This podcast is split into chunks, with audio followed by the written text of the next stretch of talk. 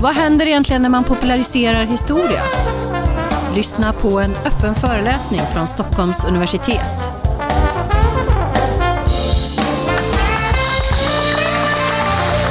Tack ska ni ha. Tack. Tack. Välkomna till Historia för alla om populariseringens dilemma. Popularisera har blivit något av ett modeord. Allt fler forskare vill nå ut till en bredare publik med sin forskning. Mellan forskare och publik så har flera arenor med tiden etablerats. Bokförlag är bara en, liksom boken bara är en av populariseringens många former. Så vad innebär det att popularisera och vad är det egentligen för ett slags historia som kommuniceras? Hur ser marknaden ut? Vad är det egentligen folk vill ha? Och vad har akademikern att vinna respektive förlora på att popularisera? Det här är några av de frågor som vi kommer diskutera idag och mitt namn är Bo Eriksson och jag är docent i historia vid Stockholms universitet och jag är också historisk expert och speaker på Världens historia på SVT och har jobbat med media under flera år. Och vid min sida har jag ett, ett oerhört kompetent radarpar. Jag har radiojournalisten och hedersdoktorn vid Stockholms universitet, Tobias Svanelid, och så har jag historikern Charlotta Fors från Historiska institutionen på Stockholms universitet. Och jag tänkte att ni får gärna presentera er lite mer utförligt än så, tänkte jag, så vi får en liten känsla för vilka ni är och vad ni har gjort. Charlotta, vad har du liksom forskat om och sysslat med i historien? Vilken är din grej i historievetenskapen? Ja, eh, tack.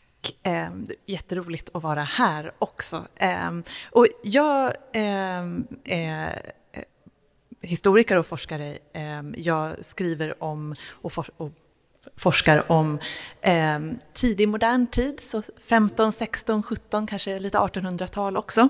Eh, någonstans i gränslandet mellan kulturhistoria och vetenskapshistoria.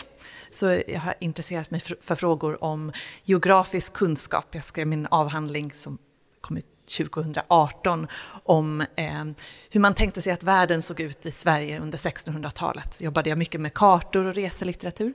Och nu har jag ett projekt som är mer medicinhistoriskt som handlar om bastubad och de moraliska och medicinska eh, problem och, som, som uppstod i bastun. Underbart. Bastubadets mm. historia alltså. Ja. ja. Ja, härligt. Det ser vi fram emot. Och du då Tobias, eh, du är ju en känd röst. Du är liksom rösten i natten som, som man sa på 80-talet. Men Tobias, hur länge har du egentligen gjort radio för Sveriges Radio och varit intresserad av att förmedla historia? Ja, men det här historieprogrammet som jag i huvudsak har jobbat med, det har jag gjort då sedan januari 2000 och nu eh, framåt månadsskiftet maj-juni i år så firar vi ju tusen program. Så att det har blivit en himla massa program helt enkelt. Och ofta är det ju nattsuddare. Jag såg att eh, eh, Sveriges Radio hade någon fråga på Facebook vad eh, radiolyssnare valde att lyssna på när de behövde somna. Sådär. Alltså, det är många som gör det. Och där rankar Vetenskapsradion historia väldigt högt faktiskt. Eh, så att det är väldigt sömnpiller uppenbarligen.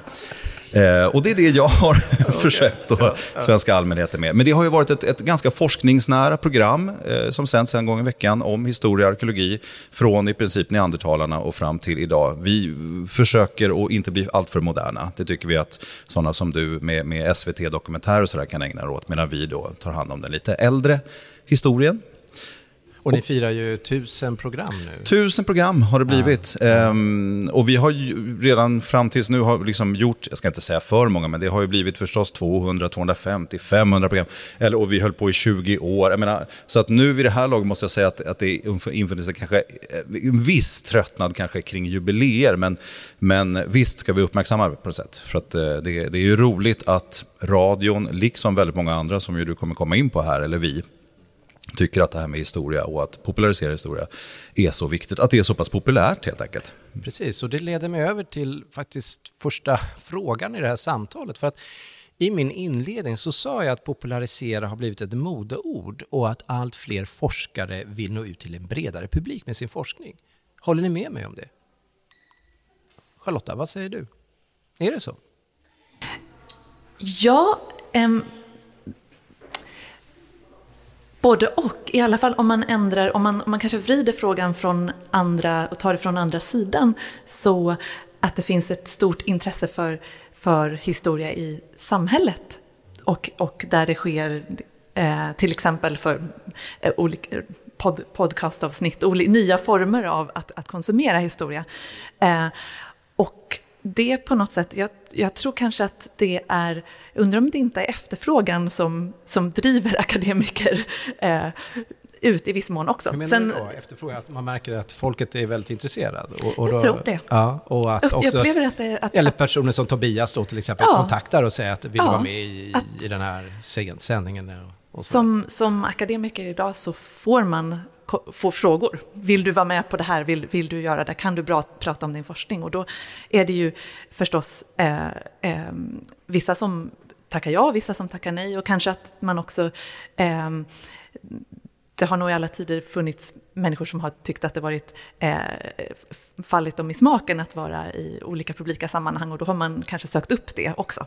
Eh, för jag håller, mm. håller med dig i det. Jag, jag, började på min institution, då, eller vår institution, historiska, 94 som doktorand och, och, har varit kvar där sedan dess. Och under den tiden tycker jag att det har verkligen skett en, en stor förändring. Att det är mycket mer prat om att popularisera i positiv mening. För på 90-talet fanns det också en väldigt negativ hållning i det och det kommer vi få tillfälle att återkomma till. Men, men du då Tobias, du som verkligen jobbar med det här, känner du att trycket har ökat? Eller försöker ja. du hålla liv i någonting som egentligen håller på att dö? Nej, nej, det är väl verkligen det första. Alltså både ja. då i form av, av, konkurrens kan man ju säga och, och än så länge så uppfattar ju jag den, tror jag, mer som att det är kul att det finns så många, man säger så, spelare på, på planen. Alla dessa poddar, men också förstås, eh, och där har vi kanske möjligtvis skett en viss avmattning i alla dessa historiska populära tidskrifter och sådär under, ja men säg att det var 15 år sedan kanske, så fanns det kanske, jag vet inte, uppåt en 10 stycken eh, åtminstone svenskproducerade historiska tidskrifter. Nu är de aningens färre, det har vi kanske mm, slagits ihop eller, eller slagits ut och sådär. Men nej, det är ju en, en jätteboom som jag tycker växer hela tiden. Eh, vilket ju är eh, roligt och framförallt väldigt eh, spännande att försöka förstå sig på varför det är så. Jag menar, ja, vi är väl på något sätt redan frälsta, tänker jag, men, men, men det är ändå svårt att, att själv sätta ord på varför man är intresserad av historia och, och varför det här historieintresset växer. Jag kommer ihåg när jag intervjuade Anthony Beaver, eh, som är känd för att ha skrivit många böcker om andra världskriget inte minst. Han påstår väl att hans böcker säljer bäst i Sverige och i Spanien, två av de få länder i Europa som inte var invaderade under andra världskriget. Och att det, vi kan liksom konsumera den typen av historia i alla fall, nästan som en form av fiction. Um, och det, jag tror att det kanske ligger någonting i det här, likadant man brukar säga att Sverige är världens modernaste land och sådär. Och vi har inte haft någon historia uh, under folkhemstiden och sådär. Vi har tittat framåt och, och sådär. Och att det kanske har gjort att vi numera, i takt med att folkhemmet också kanske nedmonteras, eh, så, så har fler och fler känt ett behov av att, att förstå någonting om var vi kommer ifrån. Ja. Men det här med att popularisera, populus, det är latin, det betyder folk. Och det fanns ju en, en tid, för det var länge sedan, då man uppfattade att folk Eh, att popularisera, det handlar om att bilda folket, det vill säga arbetarklassen som det definierades. Och så gick kostymklädda studenter ut, Verdandi och Heimdal på 1890-talet och början på 1900-talet och talade till arbetarklassen. Heimdal, som var en konservativ förening, pratade om Gustav II Adolf, medan Verdandi, som var en radikal förening, talade istället om kanske sin samtid, Hjalmar Branting eller, eller liksom franska revolutionen för att väcka helt andra idéer hos folket. Men vad menar vi med att popularisera idag? Är det fortfarande vi ska tala till folket? Va, vad är det vi talar om? Att popularisera historia? Ja, det kan ju inte bli för mycket von oben-perspektiv någonstans. Det känns som att det är få som köper det idag. Samtidigt som att jag tror väl att just den här, som till exempel det program som jag gör, är ju, försöker ju i alla fall vara en, en länk mellan akademin och allmänheten. Folk som inte Eh, har pluggat så mycket på universitetet eller själva är professionella historiker. Eh, och den länken är väl liksom populariseringen på något sätt. Att, eh, och, och, där kan man ju, eller sånt en sån som jag kan ju ha existentiella eh, tankar ibland. Behövs en sån som jag till exempel i det här sammanhanget? Var, varför kan inte de allt mer duktiga popularisatorerna, historikerna själva då, prata direkt till folket om man säger så. Och, och, det är ju lite grann fallet. Och det är ju en positiv utveckling. Men visst, det, det, ibland kanske det kan tillföra någonting att ha ett, ett mellansteg där. Men, ja, ja. Och vad, vad, säger du då Charlotta? Ja. Att popularisera, vad, ähm, vad, är det? Ja, alltså, först bara så, så den här idén med att det finns en länk där, den, det, det, det, det, tror jag är en, en viktig och bra sätt att se på det. Att, eh, eh, som en, ja, en, en, en, en del en, en, en, en, det är ju en popularisering. Vi talar om någonting som är pågående, någonting som händer. Det är en, något som förändras, kanske man kan säga. Um, jag, när jag funderade på det här inför det här samtalet så, så um, uh, gjorde jag en liten högst sådär uh, uh, högst ovetenskaplig undersökning man, ja, av ja. vänner och bekanta om ja. vad, vad, man tänkte kring vad popularisering och populärhistoria var. Och då tyckte jag mig se två stycken trender i det. Den ena var att man eh, tryckte på att popularisering eller populär historia handlar om historia som är lättillgänglig, där man inte behövde förkunskaper skulle kunna gå och ta till sig och förstå och, och, ha glädje och nytta av, av, av historien utan att kunna väldigt mycket innan. Det var den, en, den ena typen av, av, definitioner som folk kom med. Och, um, den andra handlade om, om populär historia som i historia som är populär, alltså att man, historia som många tycker ah. om. Ja, ja. Uh, och jag tror att man, att, uh, att man kanske kan känna igen sig i, i, båda de två, men jag tror att båda de där definitionerna har uh, fallgropar i mm. sig. Mm. Vilka då? Ja, den, den här lättillgänglighetssidan. Det finns en, när det, när det talas om populär historia och när det tenderar att bli lite fel, det är när det blir alltså populär historia som fördummad historia. Alltså där det på något sätt man tänker sig att, att, att historia måste göras eh, okomplicerad för att vara lättillgänglig. Och där tror jag att eh, man misstar sig kring vad folk kanske vad folk i allmänhet vill ha, men också vad man klarar av. Alltså vad, vad, man, det behöver inte vara okomplicerat för att vara tilltalande, även om man inte har förkunskaper. Så där, där finns det den biten. Och det, det är nog ett, ett, ett fel som, som, eh, alltså, som kanske historiker, som förlag, som kanske museer gör. Eh, att man förväntar sig att det måste vara väldigt enkelt för att vara intressant för en allmänhet. Ehm, men när det kommer till den här populärfrågan, och det, då är det ju frågan om, om vad är det, vilken historia är det som, som är populär? Och det är ju förstås så att det kan man tänka sig att, att det finns ämnen som, som, som eh, tilltalar en viss, en, en viss grupp eller som tilltalar en viss tid, en tidsanda. Men det kan ju också vara så att man kan se det som att historikerns roll är att, att visa på ämnen som man inte har tänkt sig vara intressanta och, och visa här finns det någonting som, det här låter jättetråkigt och, och torrt men, men det här är egentligen någonting som är, både, som är viktigt och som man kan dra lärdomar av. Um, så, så det finns finns en risk där också. Mm. Vet jag kan säga, jag gick till, istället för att gå till kompisarna så gick jag till NE och, och tittade, vad, vad, betyder det här med att popularisera? Och då står det så här att i vidaste mening all vetenskaplig information som inte riktar sig till fackmän på det behandlade området. Okej, okay, jag tycker det är ganska slätstruket, men okej. Okay. Och sen står det i artikeln att popularisering handlar därtill om hur informationen förmedlas. Den ska göras, citat här, lättfattlig genom enkel, underhållande stil, ofta färgad av entusiasm för ämnet. Och det fastnar lite på, jag ser framför mig slutet av 80-talet, början på 90-talet, Herman Lindqvist står framför kameran och med stor entusiasm förklarar franska revolutionen. Ingen fel i det, det var lysande. Men det känns som att det är en lite föråldrat sätt att se på det. Att det känns inte, den kostymen har vi lagt av oss. Man behöver inte alls skriva entusiastiskt. Peter Englund, jag tycker inte han skriver entusiastiskt när han skriver sina böcker. Ja, det är väl lite grann att den här liksom nördigheten har ju uppvärderats generellt kanske i samhället. Inte av alla, men, men det är väl en trend som inte bara gäller historiepopularisering tänker jag, utan eh, minsta lilla subkultur eller, eller miniintresse kan ju på något sätt få större spridning idag, eh, hitta sin publik och att eh, just de här ja, personerna med speciella förmågor eller, eller vad vet jag, smala, smala forskningsämnen inom historia till exempel kan också uppenbarligen idag betraktas som någonting väldigt spännande. Det behöver inte bara vara de här pyramiderna och, och Adolf Hitler om man säger så. Ja. Det som vi gör på SVT. Nej, nej, förlåt. Nej, nej, nej. nej men det, det är väl liksom de här uh, greatest hits någonstans. Ja, ja. Men när vi är inne på det här med, med vad det är för en slags historia som kommuniceras. Så när, när du Charlotta frågade dina kompisar där, vad, vad, vad fick du för svar? Eh, vad, vad, är det för populär historia? Eller vad är det för historia som är populärt? Ja, I den mm, meningen. Mm, då, ja, va? men precis. Um, jag tror att, att, att, man, att många tänker fortfarande att, att det handlar om, om, om de här, de, det som man tänker är de stora världshändelserna. Mm. Pyramiderna och Eh, kriget. Ja, py- pyramider och krig.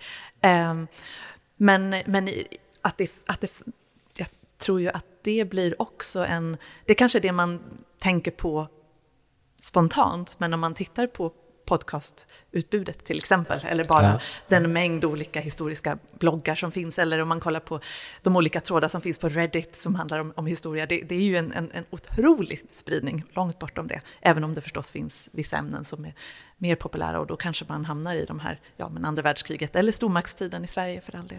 För det är klart, om man, om man jämför idag, och det är också då en ovetenskaplig undersökning jag har gjort, att om man jämför utbudet idag med, med historia som kommuniceras med hur det såg ut på 80-90-talen så, så tycker jag att, att jag ser tydliga skillnader. Dels så är marknaden helt annorlunda, det, och det kommer vi ta upp här nu med, med poddar, men, eh, och inte bara poddar utan filmer och allt möjligt. Men det, det känns som att på 80, på 80 och 90-talet så, så var det fortfarande, det var mycket kungar, det var mycket krig och det var vikingar. Eh, jag tänkte på Maja Hagerman slog igenom där 94, 95 med, med en bok om, om, eh, om, om, eh, om, om vikingatiden.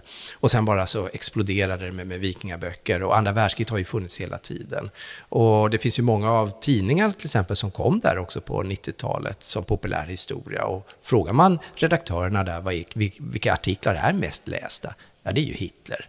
Det, det är nazisterna, det är andra världskriget, första världskriget och, och så är det ju eh, naturligtvis också då eh, vikingarna igen. Men det känns som att det finns fortfarande idag.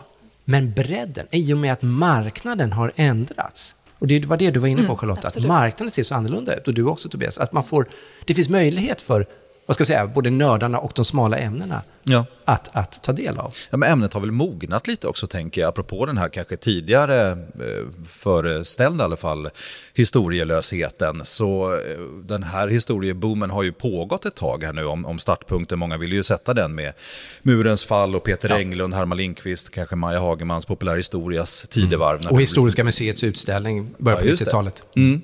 Eh, så nu var det ju 30 år åtminstone senare så, så tror jag att tillräckligt många är tillräckligt allmänbildade om man säger så, så man visst kanske vill gå vidare. Sen finns det ju uppväxande släkten och, och många andra som, som vaknar lite senare då i det här intresset, som kanske gärna tar det lite från början också. Men, men det kan också kanske förklara varför spridningen också är, är större. Man vill ha mer, man, Man vill vill dyka mer. djupare.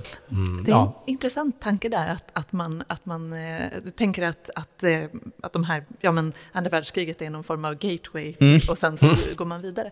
Ja, det, det, så kan det säkert vara. Och sen, men sen tänker jag också att det finns en, att det kanske, det beror ju lite på hur man, hur, alltså egentligen vad man tänker sig om, om man blir intresserad av ett ämne. Vad, vad gör man? Vad, vad gör man? Eh, Ja, ja, vad, ja, ja, Ja, precis. Det är inte så här, vad, vad gör man om man är intresserad av ett ämne? Ja, men då ser, hur ser marknaden ut? Hur skulle ni beskriva den?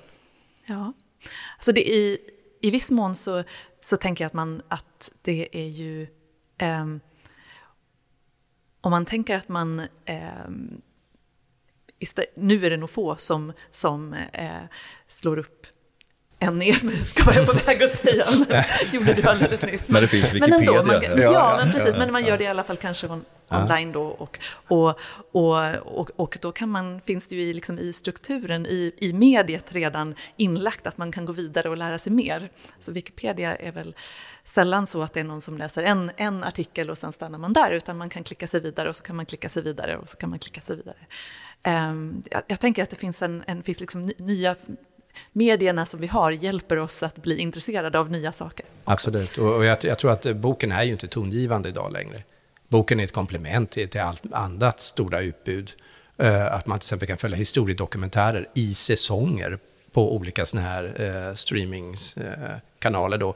Eh, bara det är ju, är ju eh, sett i historien en, en otrolig nyhet. Eh, och poddarna naturligtvis. Och, och, och, man följer fortfarande radio. Så marknaden är ju så bred, men det finns ett utbud till alla. Men jag undrar här faktiskt, jag vet inte om ni har tänkt på detta, men jag har försökt tänka på det. det är, vem eller vad bestämmer då vad som når ut? Nu, du tog ju så att säga från avnämarens perspektiv, jag är intresserad av det här, hur hittar jag det här på den här breda marknaden?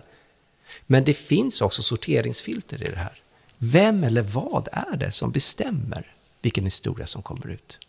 Vågar ni svara på det? Har ni... ja, i, i, mitt fall är det väldigt mm. tydligt. Det är väl i princip jag som gör det i Exakt, det här radioprogrammet. Men det är ju lyckligtvis inte bara jag som bestämmer. Jag, jag, har ju stort inflytande över, över den lilla den mm. rutan. Sådär. Men, ehm, eh, nej, men det är väl klart att det är ju, som med mycket annat som vi konsumerar i medien, medien liksom, ja, men ett antal, kanske ett fåtal, eh, mer eller mindre tydliga avsändare. Eh, och deras intressen kan ju säkert avspegla vad, vad vi liksom förväntas konsumera då förstås.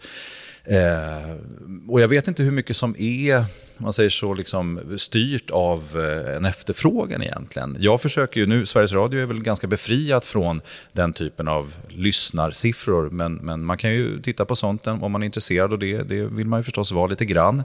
Eh, och då kan man ju se förstås vilka ämnen, de är ungefär samma som i början av 90-talet där ändå tror jag. Mm. Alltså vikingar mm. ja, och mm. stora, eh, och kanske lite grann en tendens till, som kan vara förvånande, att det är väldigt mycket kring forntiden och sådär. Alltså stenålder och, och påskön. Och, jag menar sådana här liksom mysterier också. Ah. Eh, tenderar folk att vilja lyssna på.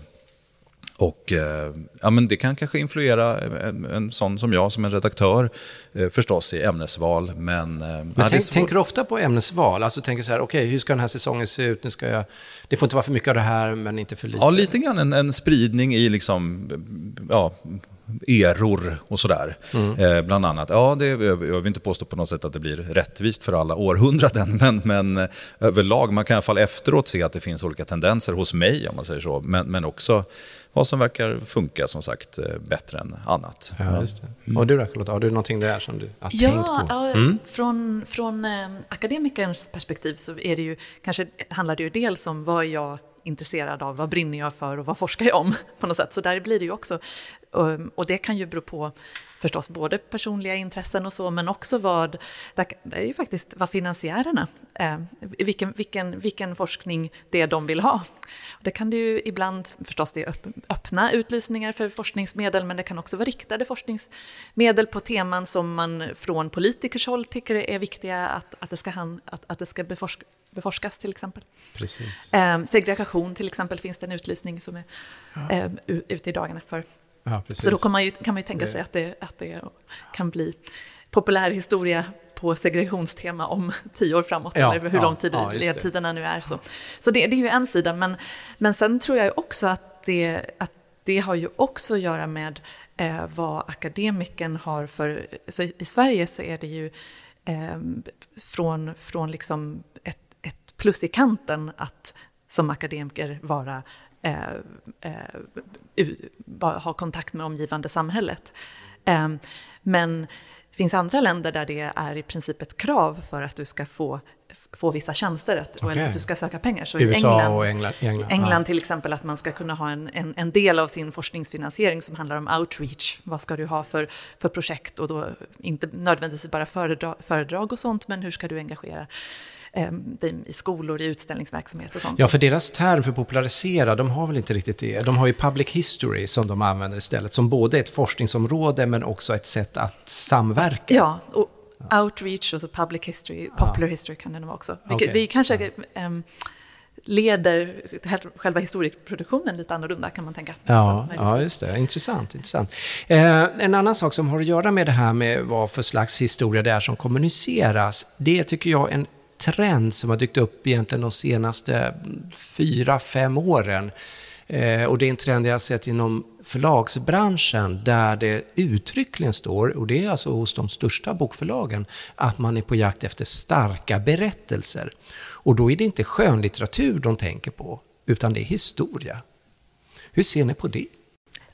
Det är jätteintressant att du säger det, för det är ju också en, en trend som är väldigt stark inom historievet, en anglosaxisk historievetenskap. Mm. Att man skriver narrativ historia, att man skriver alltså akademisk historia som är driven av, av starka narrativ och ofta... Alltså, av berätta, att man berättar? Ja, att, precis, att man, mm. att man berättar och gärna Eh, jag har fått kommentarer från, från eh, amerikanska forskare att men, eh, lyft fram personerna, lyft fram huvudpersonerna, skapa, ett, skapa en berättelse kring dem och skapa engagemang till, kring dem. Och då har det ju varit inte i sammanhang där det har handlat om att nå en bredare publik, utan där det har handlat om för, för akademiker. Så där finns det ju ett ideal inom historievetenskapen också, ja, att, att, skriva eh, på det sättet. Vad intressant, så det finns både och där. Ah, kul. Eh, vad säger du då? Alltså det blir ju lite grann en clash, eh, mm. tycker jag, eftersom det känns som att eh, akade historiker, akademiker i Sverige är ju inte ändå särskilt skolade i det här. Så de forskar ju inte och skriver ju inte sina eh, forskningsrapporter eller, eller böcker utifrån någon form av narrativ på det sättet uppfattar jag det som. Utan det är ju mer en, eh, ja vad vet inte jag, alltså, jag vet inte om jag ska beskriva det som en akademisk, eh, Eh, på något sätt perspektiv i det här. Som jag till exempel i, i radioprogrammet tror jag följer ganska mycket, har liksom en mer distanserat förhållningssätt till historien. Snarare att man går in i det här som om det vore en dokumentär eller en, en film, liksom ett reenactment som man är med i. Eh, men det är ju väldigt många andra, många andra ställen man ser det. Och eh, där, ja, jag tänker på Sveriges Radios eh, senaste satsningar här, där de ju har, det är ju betydligt mer modern historia, men det kan vara, nu kommer jag knappt ens på mordet på Anna Lind, det var alltså några sådana liksom relativt moderna eh, händelser, pensionsreformen, jag vet ah, inte, ja. som de i princip återskapar med, med skådespelare och sådär. Alltså, och det, så kan man ju göra och det funkar säkert bra. Men det är ju, då, då vet jag inte om det är historia vi mm. håller på med där eller om det är konst helt enkelt. Sant. Mm. Eh, så det är ju en, en gråzon någonstans som allt fler vill röra sig i. Tror jag. Precis, fler starka berättelser och fler dramatiseringar, det är det som är trend idag. Eller man ser att ja, men lite grann så. Och där man kommer som, som historiejournalist, om jag kallar mig för det, ja. och möter de här historikerna. Nu, nu är det ju sällan jag ställer den typen av frågor, men, men visst, jag är ju fortfarande journalist och det är klart att det vore jätteroligt nu när det är Gustav Vasa råkar vara mycket på tapeten och försöka gå in i vem, vem var han, hur såg han ut, eh, sa han något roligt någon gång? Ja, men liksom, och då är ju historiker så tråkiga så att de måste ju liksom eh, eh, grunda allting i källor. Ja, ja, Vad kan vi liksom veta om Gustav Vasa? Ehm, och det är inte så mycket alla gånger. Så att det, då får man inte de här starka berättelserna kanske. Det skulle inte bli en jättebra, i alla fall inte säkert historiskt vederhäftig dokumentär, eller liksom dramadokumentär om Gustav Vasa. Den går liksom inte att göra och få en historisk okej-stämpel på. Då måste man gå in i, i, i, ja, i konstens värld. Och sen kan jag tycka också att många historiker med all rätt är väldigt försiktiga. Man ser ju sällan historiker i morgonsoffan diskutera olika problem, därför att journalisterna vet att har man en historiker i morgonsoffan så ställer de en fråga och säger, å ena sidan, men det är inte säkert för å andra sidan och källorna är väldigt osäkra. Och det här måste man ta med en stor nypa källkritiskt salt. Det är väldigt många nypor källkritiskt salt som har tagits genom åren i tv. Och jag förstår att det kan vara svårt också för journalisterna då, när man vill ha eh, någon som levererar ett något sånär enkelt svar, men historikerna vill istället problematisera. Vi har ju där med oss i, i ryggen från forskarutbildningen, du måste problematisera det du har kommit fram till. Men då tänkte jag problematisera genom att ställa den oerhört provocerande frågan, behöver vi en historiekanon, tycker ni? Och hur skulle den se ut? Mm. Två jättesvåra frågor. Ja. ja. men jag kan väl börja. Jag, jag har funderat en del på det där eh, under en längre tid och inte minst sen Danmark ju eh, drog igång och ju sen ett, ett, bra tag tillbaka har haft en kanon. Och nu vet inte jag exakt hur det, eh, och det var ju ett relativt brett politiskt projekt i Danmark eh, vad jag begriper. Och inte bara eh, utifrån Dansk Folkeparti utan en, en generell, vad jag begriper, borgerlig, men jag tror liksom en, en väldigt blocköverskridande åsikt om att det här är någonting bra. Eh, I Sverige så tror jag att det är betydligt svårare alltså, att få till det där. Och det märker man ju i de debatter som blossar upp när det här kommer på tal. Eh, det är varken historiker eller säkert många politiker, eller för den delen allmänheten, tror jag skulle kunna enas om någon som helst eh, liksom, punkter som kan komma upp på den där kanonen. Eh, och all, varenda punkt skulle säkert vridas och vändas på eh, väldigt många varv. Det känns som att det finns nästan ingenting i vår historia som är liksom, potentiellt eh, problematiskt. Ehm, och då verkar det enklare att eh, bara skippa den idén med en kanon överhuvudtaget. Men jag tror, alltså inte minst, jag menar huvudsakliga syftet som jag tänker med en kanon är väl att i, i lärobok, så på att säga, men i, i skolsammanhang helt enkelt. Och där, eh, jag har själv barn som går i skolan i i eh, låg och eh, högstadiet.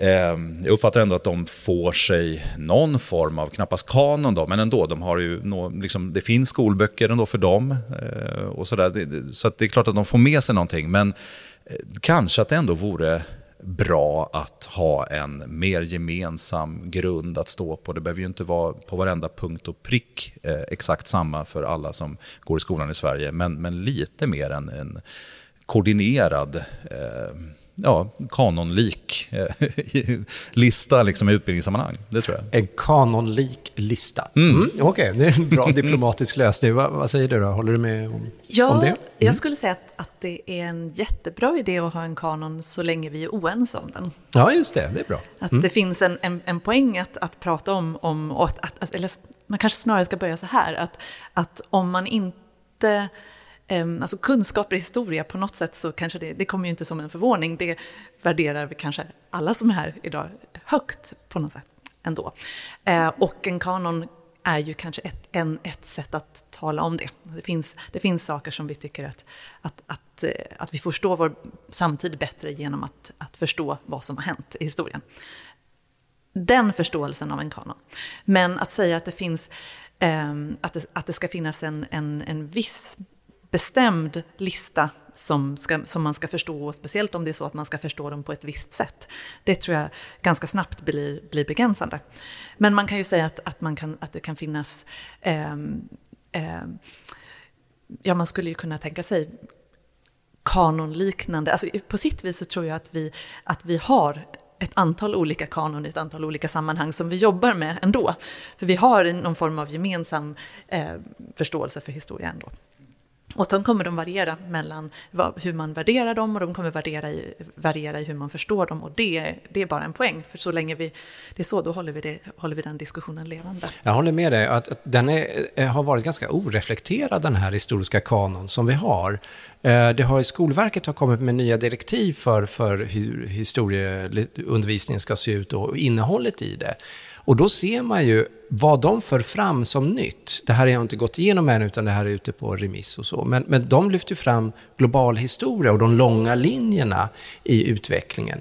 Det vill säga att det som man gjorde tidigare var inte det. Och det var den kanon vi hade, som vi kanske hade lite oreflekterat. Det var epokindelning med vikingatid och medeltid och så tidig modern tid, fast det har man inte riktigt gymnasium, men man talar liksom om nya tider, man talar om stormaktstid och så här, och så upplysningstiden och, och man går framåt.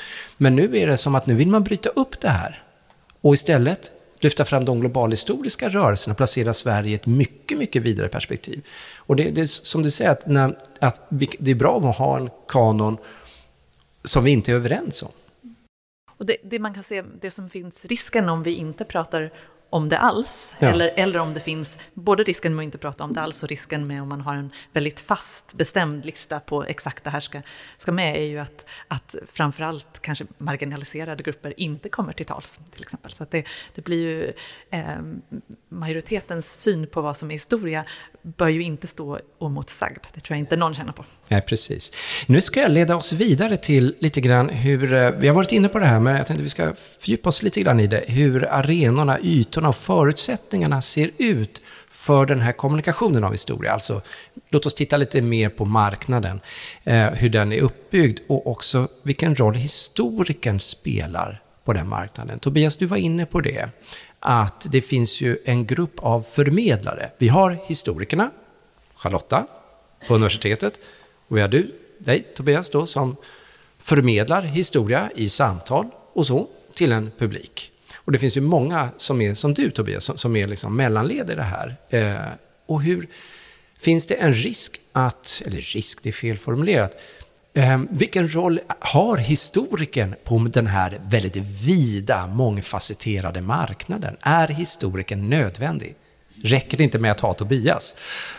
ja, nej, det gör det ju verkligen inte förstås. Nej, nej i alla fall inte i den programproduktion som jag gör. Då nej. står jag ju verkligen på historikernas axlar. Det skulle ju bli helt tyst i radion om det bara var jag. Eh, så, mm, mm. så att nej, det, det är ju verkligen fallet. I många andra sammanhang så tror jag kanske att historikerna anses mer överflödiga möjligtvis, eller att de helt enkelt ska användas för att säga en liten sak bara vid något eh, sammanhang, eh, för att ge lite vetenskaplig tyngd kanske åt något resonemang som journalister annars är, är mer bekväma att föra själva. och så är det väl ofta, och särskilt om man vill eh, som vi var inne på, liksom dramatisera historien, göra liksom bra och spännande berättelser av den, då kanske historikern ibland kan komma där och bara förstöra. och, och ta sitt eh, ena sidan och andra sidan. salt ja. där, precis, och, och, och strö i såren på något sätt. Så att det, nej, men, men jag tycker förstås eh, att, att historikerna är fullständigt centrala i det här och, och skulle ju efterfråga i och för sig eh, att de skulle ta en ännu större plats. Eh, nu är det ju, tror jag, inte så mycket historikernas eget fel att de inte kanske gör det i ett land som Sverige. Men, men visst, vi var också inne på det här med att i, i en anglosaxisk kontext så, så, så, förväntas historiker göra det. I Sverige är det inte lika mycket bevänt med det, man får inga akademiska liksom, poäng av att göra det. Men, men visst, eh, historiker borde kunna synas och höras ännu mer. Mm. Man kanske ska formulera om det så här, eh, så att är historikens roll som författare förlegad med tanke på hur marknaden ser ut. Att det är poddar, det är tv-spel eller ja, datorspel. Den marknaden har vi inte ens varit inne på. Den är enorm med alla historiska spel. Jag vet att du Tobias har ju faktiskt recenserat spel och så är ju mycket väl insatt i den, i den branschen. Och jag vänder mig till dig nu Charlotta i, i American Historical Review som räknas, menar jag i alla fall, som världens bästa historievetenskapliga tidskrift. Där recenserar de historiska spel. Ja. Vilket svensk historisk tidskrift, som dess motsvarighet i Sverige då, inte gör. Så vi får hoppas att kanske lilla HT, som det kallas, eh, kommer dit någon dag då. Men hur ser du på det här? Är historikens roll som författare liksom lite förlegad? Ska vi kunna ja, steppa det, och dansa? Det är ju svårt. Det, det, skulle nog, det skulle mycket till innan jag skulle säga det. På något mm. sätt. Mm. Eh, alltså dels så är det väl faktiskt så att, att ljudböcker är ju också ett sätt som, som folk eh, tar till sig historia idag och, och en industri som är jättestor. Eh, så där finns det ju där finns det ett, ett annat sätt att, att, eh, att, eh, att nå Alltså, även om man, även om, om man nu säger att boken inte är lika viktig eller inte lika, lika allenarådande som, som historisk produktion. Men så, ja, ljudböcker men också förstås alltså, olika former av kortare eh, eh, bloggar eller vad det nu kan vara, eller essäer eller liknande. Där finns ju historier också. Och sen så tror jag inte heller att man kan tänka att eh, jag tycker inte vi ska göra oss av med böckerna heller förstås. Och, eh, det finns ju också ett värde i att tänka att, att historikern, eh, alltså, ehm, jag vet inte om, om vi alltid är behjälpta med den strikta gränsen mellan akademisk historia och, och populär historia heller alla gånger. Eh, jag tror att eh, man, det finns det finns många sammanhang där man kan plocka upp en, en, en bok som är skriven som liksom det, det, det vad ska man säga, resultatet av en, en, forskningsstudie, men där den fortfarande kan vara intressant även om man inte har jättemycket förkunskaper eller om man inte har en, ett, ett, ett professionellt intresse av innehållet i boken. Um, men då krävs det ju kanske att, att, att eh, det kanske både krävs lite av läsaren att vara eh, beredd att det, att det finns metodresonemang som man kan välja att läsa eller hoppa över. Det krävs lite eh, och, och fotnoter och liknande, men det kan också kräva en del av, av historikern att, att, att formulera sig på ett sätt som, som, som kanske inte är eh, onödigt mm. tillkrånglat. Jag kan tycka att historikerna kan vara lite ängsliga nu ska sägas inte bara historiker liksom kopplade till institutioner, utan det finns ju de som sysslar med historia i en vid mening, så det är ju religionsvetare och alla möjliga här nu som jag bakar in i det här. Men jag kan tycka att det finns en viss ängslighet i, i att man måste äga sin berättelse, sin, sin forskning. Att när man har skrivit sin bok och så tycker man nu ska jag popularisera, man tar kontakt med förlag, man kanske håller på med bli kontaktad av en podd eller i radio, tv, vad som helst. Och då håller man på den här, man vill inte släppa ifrån sig det man har tagit fram. Och om man då är med i en tv-produktion och de kanske till och med gör någon dokumentär på den, och så ska den då dramatiseras. Så, nej, det kan ni ju inte göra, tycker man då. Vad, vad då? Ska, ska det vara skådespelare? Då kommer de ju tolka min text, det vill inte jag stå för. Och så klipps man bort och så hamnar man bara, man blir eh, talking head som det kallas, att man bara ser halva delen och man får säga några repliker och resten går till en programledare som ska föra... Så de stjäl historien, tycker man. Och då reagerar arga historiker och rycker de ut på nätet och tycker att nu har de förvanskat den här berättelsen, vad det nu kan vara.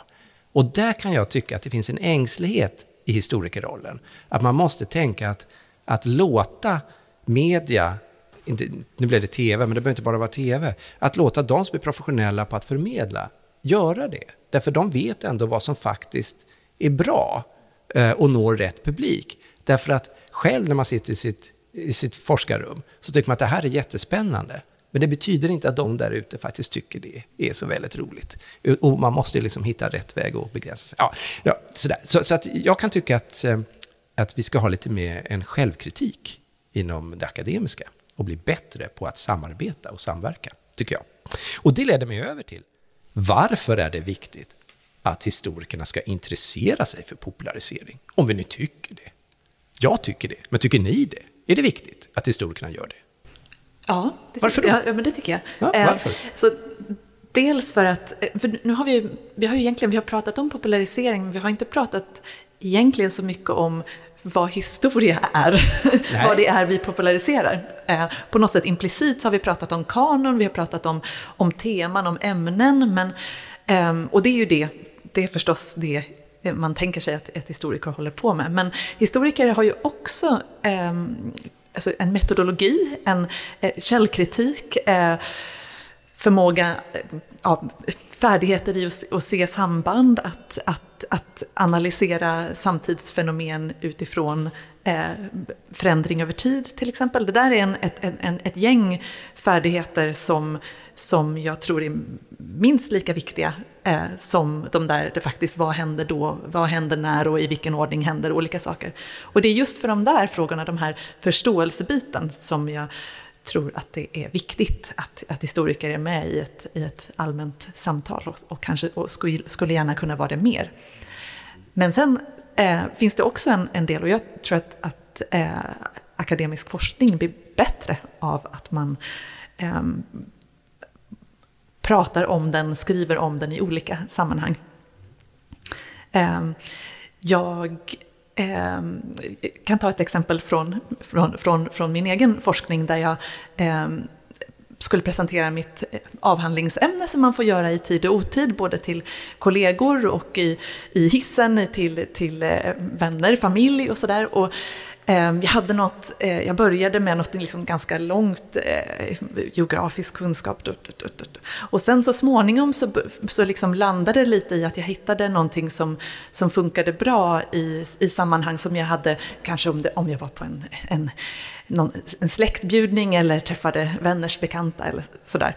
Eh, och sen så då var det vid något tillfälle som jag var på en konferens med andra historiker och så, och så eh, använde jag den där min, liksom, den där, min eh, hiss, hiss, hisspitch. Just det, just det. Och det gick hem. Ja. Eh, och det är väl för att eh, historiker är också människor. Ja, man, ja de är det. Det är en, bra att en, vi lägger till det. det, ja. faktiskt, Historiker kan också tycka att det är, är någonting låter tilltalande kan man lätt förstå varför det här är intressant, spännande. Då, då eh, då är det bra även i ett historikersammanhang. Så där var det de liksom sammanhangen utanför akademin som hjälpte mig att hitta det där som var spännande i min, i min forskning och som jag sen kunde få med mig in i, i forskningsforskarrollen. Innan jag släpper in Tobias, jag måste bara ta en parentes. Jag vet inte hur många gånger jag har ställt samma fråga till kollegor. Vad intressant, vad, berätta, vad har du kommit fram till? Då kommer det en lång utveckling av hur de har arbetat. Jag får inte reda på vad vad är resultatet? Vad handlar det om? Nej, nej, jag har utgått ifrån och så kommer det någon konstig metod och den och så har jag använt det här teoretiska perspektivet. Jag kritiserar jättemycket det systemet och den teoretiken. Jättekul. vad är resultatet? Vad är ingressen? Vad är det jag ska ta med mig när jag går ifrån dig? Så det är en väldigt, väldigt lång hissfärd. Det är ända ner till garaget, man får sitta i bilen, åka hem och sen får man ta tunnelbana tillbaka eh, för att få ett svar. Men, men du då Tobias, vad, vad säger du om det?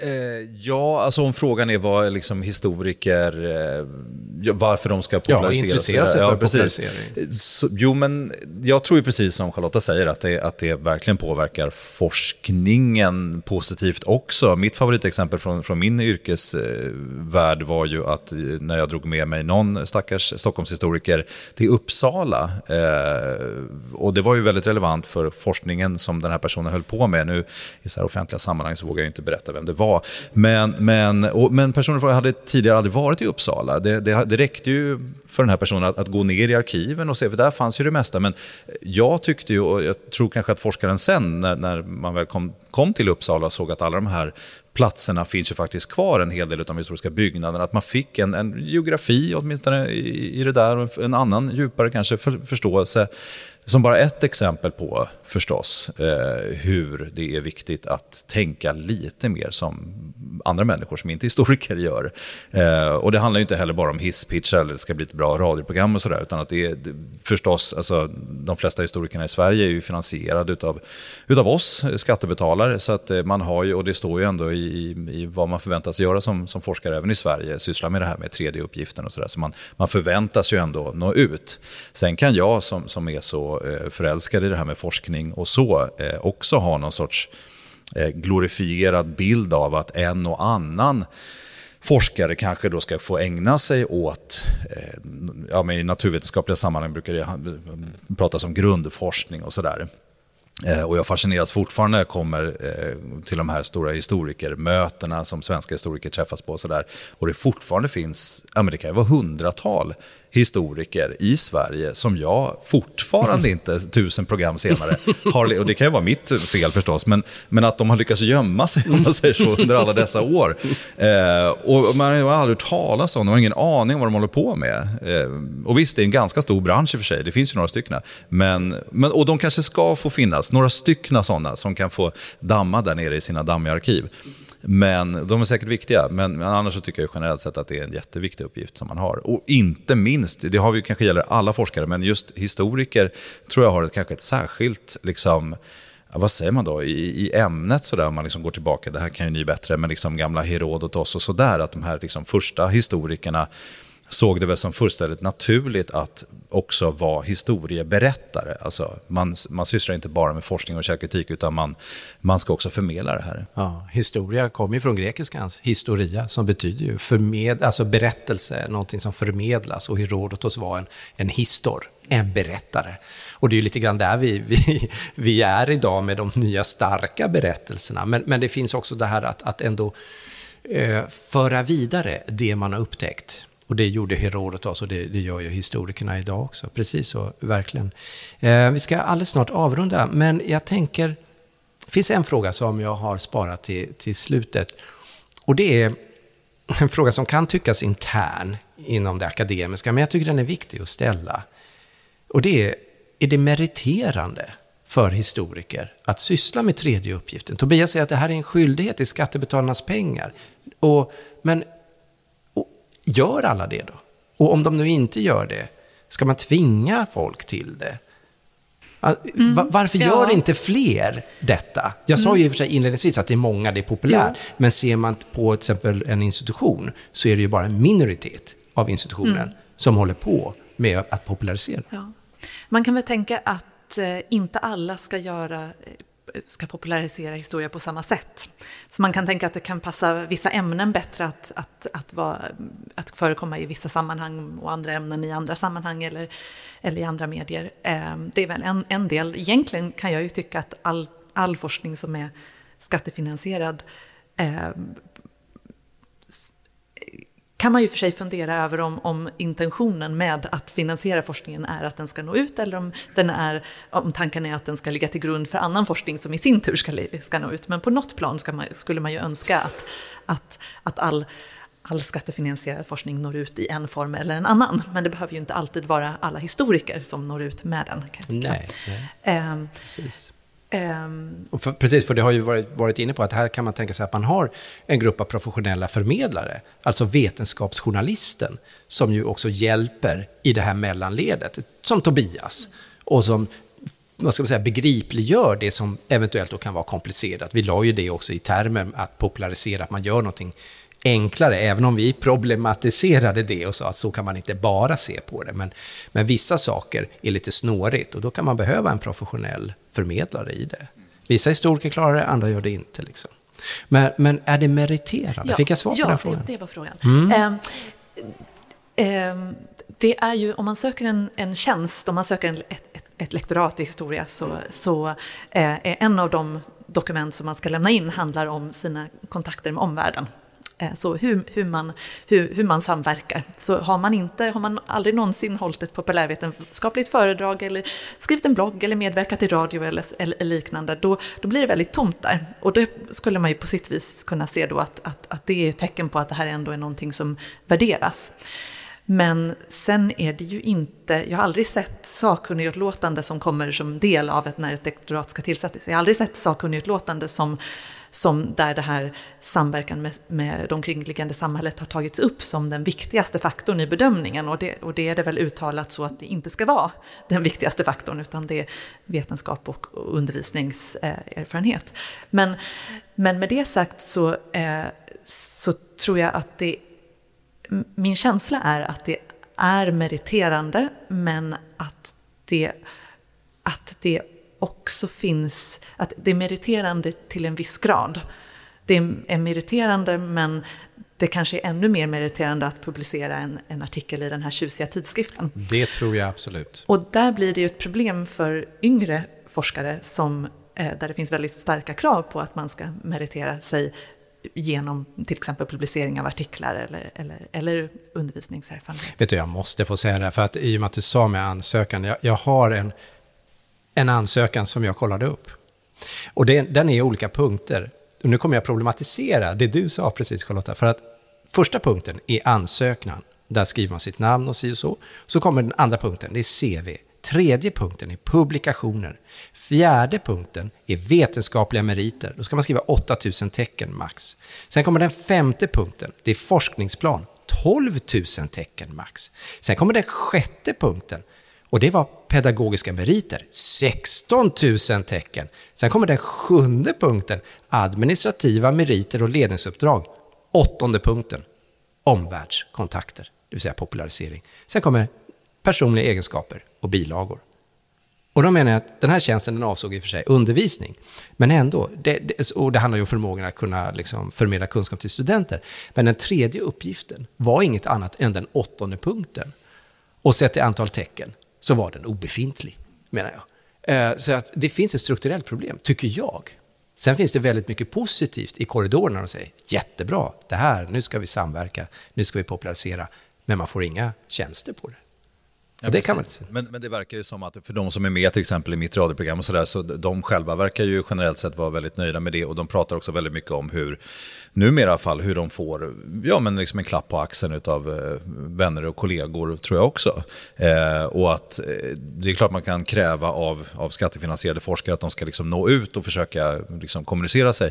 Men eh, där finns ju också problemet att det kanske inte finns arenor nog och journalistiken som sådan kanske går mer åt det här dramatiserande hållet och där då forskarna får ännu mindre utrymme att eh, visa upp sig. De är allt mindre efterfrågade kanske. Så att det är ju en svår ekvation. Sen kanske vem som helst i princip kan starta en blogg om man nu vill. Men, eh, och det skulle ju vara kul att se mer av det kan jag tycka. Men eh, det är, inte, det är nog inte så lätt eh, att, att nå ut heller faktiskt. Trots att vi lever här i informationssamhället. Vet du, det tycker jag var en alldeles utmärkt avslutning på det här eh, seminariet om historia för alla, om populariseringens dilemma. För det är ju just det som du pekar ut här och som Charlotta också precis innan hade pekat ut. Jag vill tacka dig, eh, Tobias Svanelid och Charlotta Fors, för att ni har varit med i det här programmet och tagit er tid att komma hit och prata historia och popularisering. Och jag, Bo Eriksson, tackar eh, för att jag fick vara med och jag tackar också den trevliga publiken som har suttit och lyssnat och alla ni som också lyssnar på podden. Så tack så mycket!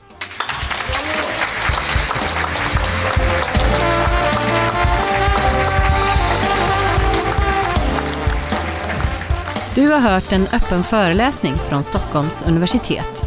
Du hittar fler poddar om forskning och vetenskap på su.se poddar.